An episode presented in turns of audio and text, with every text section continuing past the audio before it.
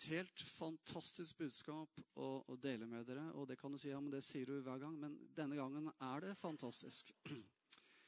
Og, og det, det, er jo slik at uh, det som kommer fra himmelen, det er alltid fantastisk, og det er alltid nytt. Eh, og så det jeg skal snakke om, det fikk jeg egentlig på Ja, det begynte på torsdagskvelden. Men det jeg skal snakke om, det er kraften i korset. Og det er slik at hvis vi virkelig forstår kraften i korset, det legger et helt nytt perspektiv på livet vårt. Det er der vi går fra nederlag til seier. Det er der djevelen på en måte Vi erfarer at han er under våre føtter. Når åpenbaringen om korsets kraft blir virkeliggjort i vårt liv. Så det er det jeg skal snakke om, fordi at uh, Det er jo slik at han kommer igjen som konge i sin tid. Uh, han kommer som tilbake som konge i sin tid. Og når han kommer så kommer han for å gjøre ende på all ondskap. Han kommer på himmelens skyer med alle sine hellige. Han kommer tilbake. Men dere vet det at eh, fundamentet, hele grunnlaget, det starta for 2000 år siden. Det starta egentlig før det også. Det startet, det startet for 2000 år siden. Det startet på korset. Der ble det lagt et grunnlag, et fundament, for å leve i seier. For å leve som en overvinner. Her om dagen, så På torsdagen, sankthansaften, så var jeg ganske pressa. Eh, litt skvisa, for å si det mildt. Jeg kom hjem, og vi var litt pressa begge to. Og det var et sånt trøkk som ikke jeg klarte å gjøre noe med. Og det er jo noe vi alle erfarer i til i perioder. At det kommer et trøkk mot oss som ikke vi helt klarer å vite hvordan vi skal takle. Og så skal jeg legge meg, og ved siden av senga vår så har vi et bilde som Stian eh, lagde den gang han gikk på yrkesskolen. Og på det bildet så er det en treramme rundt. Og mens jeg da tenker i all verden, jeg klarer ikke å bli kvitt dette trøkket, tenker jeg. Jeg klarer ikke å få det vekk så er det som om øynene mine bare blir dratt til et visst punkt på det bildet. Og jeg ser et kors i den treramma. Og så tenker jeg det er kraft i korset, tenker jeg. Det er kraft i korset. Gud bare dro i det jeg legger meg. Så jeg har aldri sett det der før. Og så plutselig så er det som bare Øynene mine bare dras mot den ramma. akkurat, Jeg har aldri sett det vesle korset. Det er ikke større enn litt over en centimeter. Og så tenker jeg det er kraft i korset. Det er kraft i korset. Og bare smokk, så er hele trykket borte.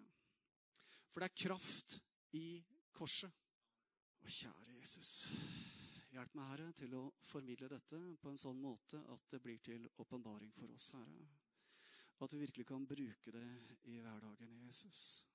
At det blir liv for hver eneste en av oss, Jesus. For det er det jeg ønsker, at det skal bli til liv for hver eneste en av oss. At ikke det skal bare være noen tomme ord, men at det skal være liv for hver eneste en av oss. Og det står her sånn at vi har fått Ånden og ja, Helt nederst der, i Efeserne 1,14, så er det en veldig flott oversettelse i Amplified. For der står det Ånden er garantien på vår arv. Altså Det er litt sånn, litt sånn enkelt oversatt. Førstefrukten, pantet og forsmaken, en forhåndsutbetaling på vår arv. Idet vi skal oppnå den fulle besittelsen av den, altså av vår arv, til pris for hans ære. Det at vi har fått Ånden, er en førstefrukt. Det er en forsmak. Vet du hva det er? En forsmak på himmelen. Det er en forsmak på himmelen som vi har fått gjennom Den hellige ånd. Så Gud vil ikke at du skal reise til himmelen du, før du har fått en forsmak. Du vet, eh, Når du spiser en bedre middag, så får du en sånn forrett for bare å pirre ganen din. For da vet du at det kommer noe veldig bra etterpå. Så det at vi har fått Ånden som en førstefrukt, som en forsmak, som, et, som er pantet på vår arv, det er bare for å pirre oss. Fordi at når vi kommer hjem til himmelen, så blir det 100 milliarder ganger bedre. Amen. Det er en forsmak, en førstefrukt, en forhåndsutbetaling.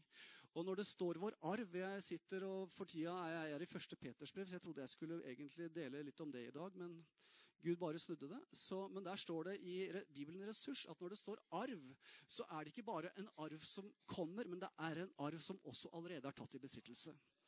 Amen. Vi har fått ånden som en første frukt. Hør her. Gud vil ikke at du skal gå til himmelen uten at du har fått kjent på en førstefrukt. Amen. Amen. Så står det i Efeserbrevet kapittel 1 og vers 3. Lovet være vår Herre Jesu Kristi Gud og Far, Han som har velsignet oss med all åndelig velsignelse i den himmelske verden i Kristus. Og der står det 'har velsignet oss'. Altså Dette står i fortid. Det er noe som allerede er gjort. Det er ikke noe Gud skal gjøre. Gud har allerede velsignet oss. Og han har velsignet oss med all åndelig velsignelse i himmelen i Kristus Jesus. Og nå, etter hvert, altså, så skal du nå bare be om at du virkelig skal Det som jeg sier nå, at Gud skal preke parallelt inn i ditt hjerte og gi deg denne åpenbaringen, så du, i morgen så har du noe innabords som gjør at du har fått Du bare kjenner at du har kommet på den seirende, seirende siden. Du skjønner at uh, her står det i Efeserbrevet kapittel 1, 18. Og vi må lese det at deres forstands øyne blir opplyst, slik at dere kan forstå hvilket håp dere fikk ved hans kall, og hvor rik på herlighet hans arv er. Ikke nødvendigvis blant de hellige, men som det står i King James-versjonen, som er i de hellige. Det er noe som bor i oss fordi at vi har fått førstefrukten av vår arv. Vi har fått Den hellige ånd i oss. Amen! Vi har fått del i arven allerede. Amen. Og dette er noe som er så viktig at vi forstår.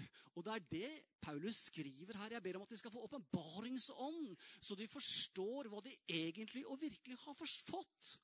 For hvis ikke vi forstår det, så kan vi ikke nyte godt av det. Og det var slik at eh, Jeg møtte jo veggen som doktor for ca. 20 år siden.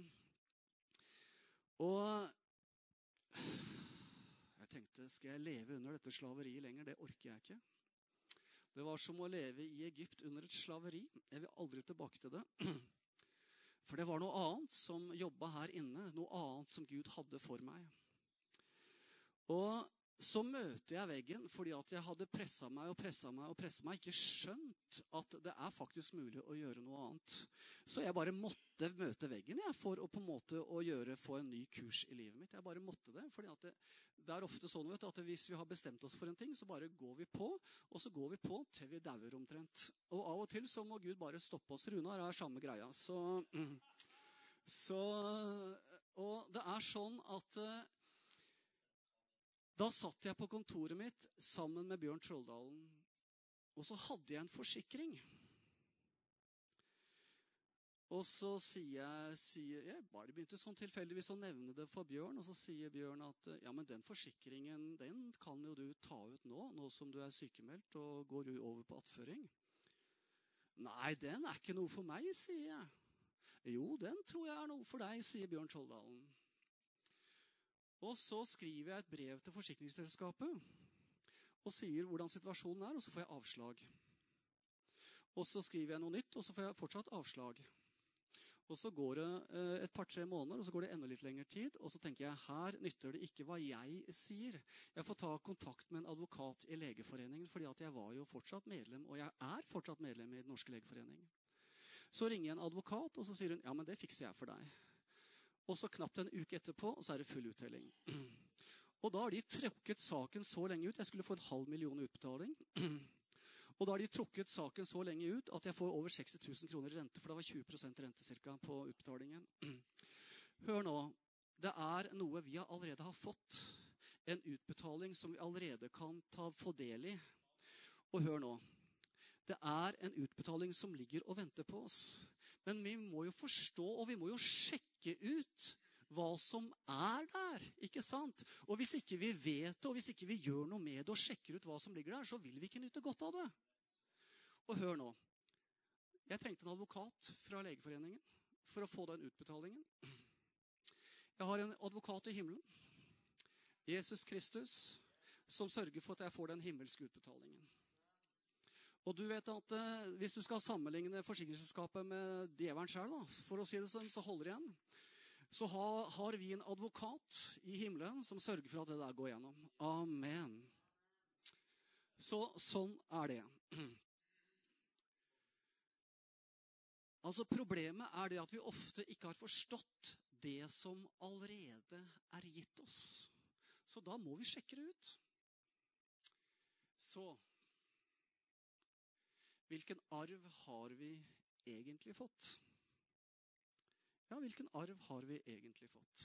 Det er jo viktig at eh, vi skjønner hva Gud allerede har gitt oss, så vi kan gjøre krav på det. Kan vi ikke, er det ikke det? Jeg vil gjerne vite det som Gud har gitt meg, så jeg kan på en måte forstå det som jeg allerede har fått. Og det er jo slik at I Gamle Testamentet så, så de fremover mot det som skulle komme. Hva da? Korsfestelsen. Korset. I Det nye testamentet så ser vi ikke fremover, vi ser tilbake på det som allerede er gjort. Og det er ikke noe mer som skal legges til i forhold til det som Jesus har gjort. Og for at vi skal leve i seier, så må vi feste blikket vårt på det som skjedde for 2000 år siden. Fordi at når vi fester blikket på det som Jesus gjorde for 2000 år siden, og ikke mister det fokuset, det er det som gjør at vi lever i seier. Vi må fokusere på det han har gjort. Det som ble fullbrakt på Golgata kors. Der ligger seieren. Og hva var det egentlig Jesus oppnådde da? Etter at han ble korsfesta, han sto opp igjen, og han ble tatt opp til himmelen. Et fundament er korset, men det var en del ting som skjedde etterpå. Og da står det at i Efeserbrevet kapittel 1, og vi er nå fortsatt i Efeserbrevet, og der står det i vers 20 Det var denne han lot virke i Kristus. Da han reiste han opp fra de døde og satte han ved sin høyre hånd i den himmelske verden. Jesus er satt ved Guds høyre hånd i den himmelske verden. Høyt over alle myndigheter og makter og krefter og herredømmer og hvert navn som kan nevnes. Ikke bare i denne tidsalder, men også i den kommende hvert navn som kan nevnes. Hvert, hver makt og hver myndighet. Vi har jordiske myndigheter og makter. Det er en som står over. Vi har åndelige makter og myndigheter, men det er en som står over. Og her står det ikke bare i denne tidsalder. Hør nå, det, det, De dreier seg ikke bare om i dette livet, men også i den kommende tid, i den kommende tidsalder, når Jesus kommer tilbake og etablerer sitt rike. Altså, Han er satt over enhver makt og myndighet, og dette gjelder i denne tiden, i denne tidsalder. Så de kan være så store og så høye som de bare vil. Men det er et navn som er nevnt over enhver makt og myndighet, og det er Jesu Kristi navn. Og han er satt i himmelen ved Faderens høyre hånd. Amen. Så det Jesus gjorde, han gikk inn i den himmelske verden og satte seg ved Faderens høyre hånd. Og han er gitt all autoritet, all makt i himmel og på jord. Sånn vi må forandre litt perspektivet vårt. Vi tenker ut ifra oss selv. Og når vi tenker ut ifra oss selv, så blir vi veldig begrensa. Hvis vi tenker ut ifra oss selv, så lever vi som alle andre mennesker. Men vet du hva? Vi er ikke som alle andre mennesker. Vi er ikke alminnelige mennesker. Jeg har fått Guds ånd på innsiden. Jeg er født på ny. Jeg har fått del i guddommelig natur. Vi må forandre det perspektivet vi har. Og da må vi skille mellom autoritet og kraft. Ja, hva er forskjellen egentlig? Hva er forskjellen mellom autoritet og kraft? Det er faktisk slik at autoritet er overordnet kraft. Og hvem er det som er gitt autoritet? Hør nå, se her. På en fotballbane så er det noen fotballspillere som har masse kraft. De løper fort. De er flinke til å drible. De har den ene og den andre kan du si, egenskapen. De er slanke, de er spenstige, de er flinke til å løpe, og de løper fort. Men det er en annen der som kanskje kan både være tykk og lat, for å si det sånn, og ikke så flink til å løpe. Men det er han som har autoritet.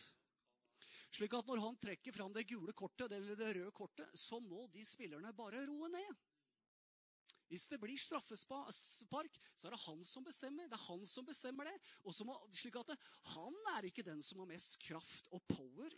Det er de spillerne der ute på, på banen det som har den største energien, for å si det sånn. Og hvis du kjører bortover veien, og du kjører litt for fort, og så kommer det en ulende bil etterpå deg med blinkende lys, da stopper du selv om du har en sterkere bil, en mer hestekrefter under panseret, og du kan godt dra fra dem. Det er ikke lurt å prøve å kjøre fra dem, skjønner du. Altså, Du kan ha en sterkere bil med mer hester og kan kjøre mye fortere, men du kjører, hvis du har litt omløp i huet, så kjører du ut til sida og stopper. Hvorfor? Fordi at de har en autoritet som er faktisk over den kraften som du kan på en måte formidle gjennom det å trykke på gassen. Så det som vi må ha Vi har galt fokus, skjønner du. Vi tenker at skal, For det første så tenker vi skal føle kraften. Har ingenting med følelser å gjøre. Det som dette dreier seg om, er hva Guds ord sier. Hva er det Guds ord sier? Og Guds ord sier ikke at du har større kraft, men du har fått større autoritet. Og vi fokuserer på at vi skal ha kraft og makt. Alt dette power. I have power. Hør her, vi har fått en autoritet. Det er det som er forskjellen. Og hvordan har da dette sammenheng med korset? Yes, hvordan har dette sammenheng med korset? Og ja, hvordan har det sammenheng med korset? Gå nå, Hvis vi nå går til Kolosserne 2, kapittel 13, og hva er det som står der sånn? Og dere som var døde i deres overtredelser og uomskårne kjøtt, har han gjort levende sammen med ham. Og han har tilgitt dere alle overtredelsene og han slettet ut skyldbrevet som sto imot oss med bud, det som vitnet imot oss, og han tok det bort ved at han naglet det til korset. Han naglet skyldbrevet til korset. Der er vårt skyldbrev naglet til korset. Og hva er det som hindrer at Gud kan handle på dine vegne? Hva er det som gjør, gir djevelen adgang til våre liv, og som kan stoppe at Gud handler inn i våre liv? Jarl han kommer inn for Herren og sier du kan ikke handle på vegne av, av Jarl, vet du, for han har gjort det og det og det og det og det. Og det og det og det. Så du har ikke noen rettigheter til å handle på hans vegne, kommer djevelen og sier. Og hva er det da Jesus sier? Han sier, 'Ja, jeg vet det. Men jeg har gjort det og det og det og det og det.' Så det gjelder ikke lenger, det, skjønner du. Så nå kommer jeg til å gjøre det og det og det inn i Jarl sitt liv. Amen. For skyldbrevet, som egentlig var djevelens rettighet til å stoppe Gud, den naglet Gud på korset. Amen. Så det skyldbrevet, det er betalt, det, skjønner du. Djevelen har ikke noen autoritet og makt til å stoppe når Gud vil handle inn i mitt liv. For da sier bare Jesus sorry, men jeg har gjort det og det og det og det, og nå kommer jeg til å gjøre det og det og det inn i Jarl sitt liv. Amen. Og så står det videre, hvis vi går tilbake her, så står det Altså han slettet ut skyldbrevet som sto imot oss med bud. Det som vitnet imot oss. Han tok det bort ved at han naglet det korset. Og dette her sånn skyldbrevet det er tatt fra et, noe som de brukte i det romerske imperiet. Det var slik at Dersom en kjeltring ble tatt, og ble bura inne, så fikk han et skyldbrev hvor det sto hans navn, og så står det 'Han er sperret inne fordi at han har ranet den og den personen'. Da var det et skyldbrev for, som på en måte var imot den innsatte. Og så lenge som det skyldbrevet var her, så måtte han sone den dommen. Og det er der det bildet er tatt ifra. Altså Det skyldbrevet som gikk imot oss med bud, det naglet han på korset. Der sonet han all synd. Han tok imot all Guds vrede over all synd. Og så er det noe mer som står der. Vi må forresten gå tilbake. Fordi at eh, her står det videre. Og han avvæpnet myndighetene og maktene og vanæret dem offentlig da han triumferte over dem på korset. Og det er også et bilde fra det romerske imperiet. Fordi at, eh, og det er jo slik at Paulus skrev jo til de som bodde og levde i, i, i, under de omstendighetene. Og det var slik at eh, når man beseiret en fiende, så tok man alle fangene. altså Man drepte tusenvis av soldater, og resten tok man som slaver. Og man førte dem inn i et sånt seierstog inn i Rom. Og da var det slik at eh, her ser dere, Dette er bare en forenkling av bildet. Det kunne være opptil 250 vogner som var fulle med våpner og skatter som de brakte inn i Rom. Og da kledde de den seierherren som de hadde overvunnet, naken. De kutta han stortåa så han ikke kunne løpe lenger. De kutta han tommelen så han ikke kunne holde på et sverd lenger. Og så ofte så henretta de ham etter at prosesjonen var over. Og da er det slik at eh, den seierherren som på en måte den generalen som hadde seiret over disse folka. Han kjørte først. Og så hadde han blitt malt blodrød i ansiktet. Og så var det en slave som sto bak han og holdt en seierskrans over hodet hans. Og så hvisket han inn i øret til denne generalen. Husk, du er bare et menneske. Husk, du er bare et menneske. Fordi at den dagen så ble seierherren behandlet som en gud. Og han skulle, skulle ikke glemme at han var menneskelig. Det var en som døde på et kors. Tok skyldbrevet, naglet etter korset, gikk ned i dødsryket, avvæpnet maktene og myndighetene. Og du vet, det var ingen som trengte å hviske inn i øret hans. Husk, du er bare et menneske. Han var et menneske, men han samtidig var han sann Gud. Sann Gud og sant menneske. Amen. Og så står det noe herlig videre. Her sånn, Vi må ta det siste verset her også. La ingen dømme dere for mat eller for drikke eller i spørsmål om en høytid eller en nymånedag eller sabbater, som bare er en skygge av de kommende ting. Da kroppen tilhører Kristus. Det er litt sånn rart vers. Hva betyr det egentlig? Det det betyr, er at når jeg har, jeg har en kropp, og jeg kaster skygge Nå er skyggen min der. Og alt i Det gamle testamentet var bare skyggebilder på det som skulle komme. Alle ofringene var et skyggebilde på Jesus som skulle sone verket på korset. Og sone for all verdens synd. Men nå har Kristus kommet. Altså, Nå lever vi ikke lenger under skyggen, men vi lever under realitetene. Det er det det verset betyr.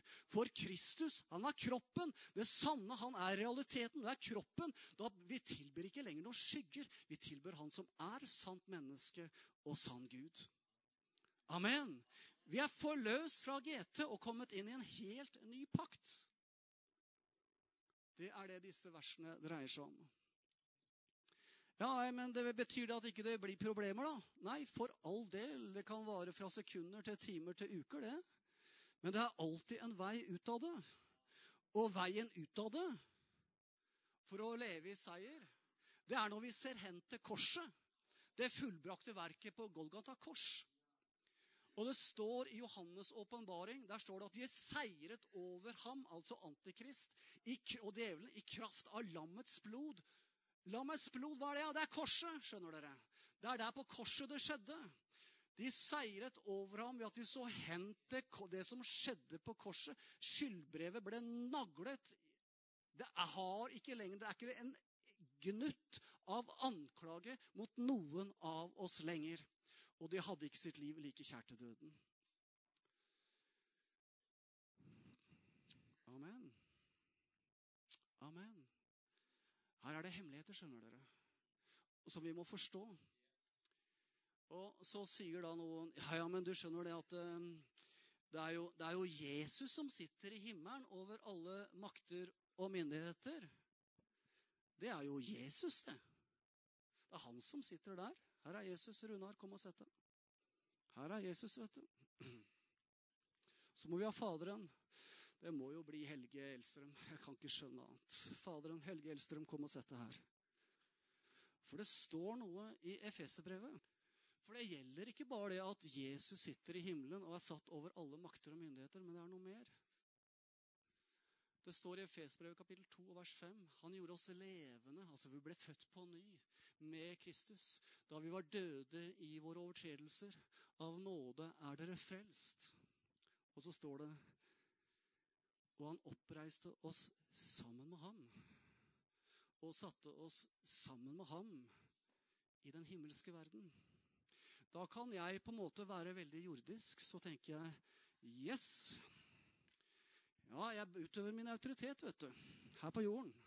Jeg utøver min autoritet. Nei, du skjønner det at skal du utøve autoritet, så må du gjøre det fra det åndelige og ikke fra det fysiske. Så hvis du forsøker å utøve autoritet ut ifra at du lever i en jordisk verden, så vil du aldri klare å utøve autoritet. Hva er det du må gjøre? Du skjønner det at ved Jesu, som sitter på Faderens høyre hånd, så er det noen seter til, skjønner du. Og i det åndelige så er jeg satt her. Men i det fysiske så er jeg der. Så hvis jeg forsøker å angripe dette på en fysisk måte, så vil jeg aldri lykkes. Men hvis jeg skjønner og forstår at jeg er satt i himmelen sammen med Jesus, så kan jeg begynne å utøve autoritet. Men ut ifra en åndelig posisjon hvem jeg er i Jesus Kristus. Amen. Amen. Takk skal dere ha. Så åndelig sett så er vi overflyttet til et annet rike. Vi er overflyttet til himmelen, og vi har fått himmelsk autoritet. Amen. Da kan vi tenke Det er så fort gjort at vi tenker at eh, ja, men dette får vi ikke til. Nei, men hør nå. Fest blikket på Golgata. Det er et fullbrakt verk som er gjort for hver eneste en av oss. Slik at hvis vi opplever at vi strever og ikke får det til, da nytter det ikke å tenke jeg skal få det til, jeg skal få det til, å nå må jeg gjøre det og det. Nei, fest blikket. Fokuser blikket på Golgata kors. For der ble djevelen overvunnet. Skyldbrevet som gikk imot oss, ble naglet til korset. Han har ikke lenger noen rettigheter til å hindre Guds velsignelser inn i våre liv. Amen. Vi er satt fri, skjønner dere. Vi er satt fri, og når den der polletten kommer fra fordi at vi har en åpenbaring om dette i vår ånd Men når denne polletten Det er som på en måte du drar i den enarmede banditten. Og, og du på en måte Så ramler det ut hundrevis av kroner. Så det er den der ene, Du må bare dra i den spaken, skjønner du.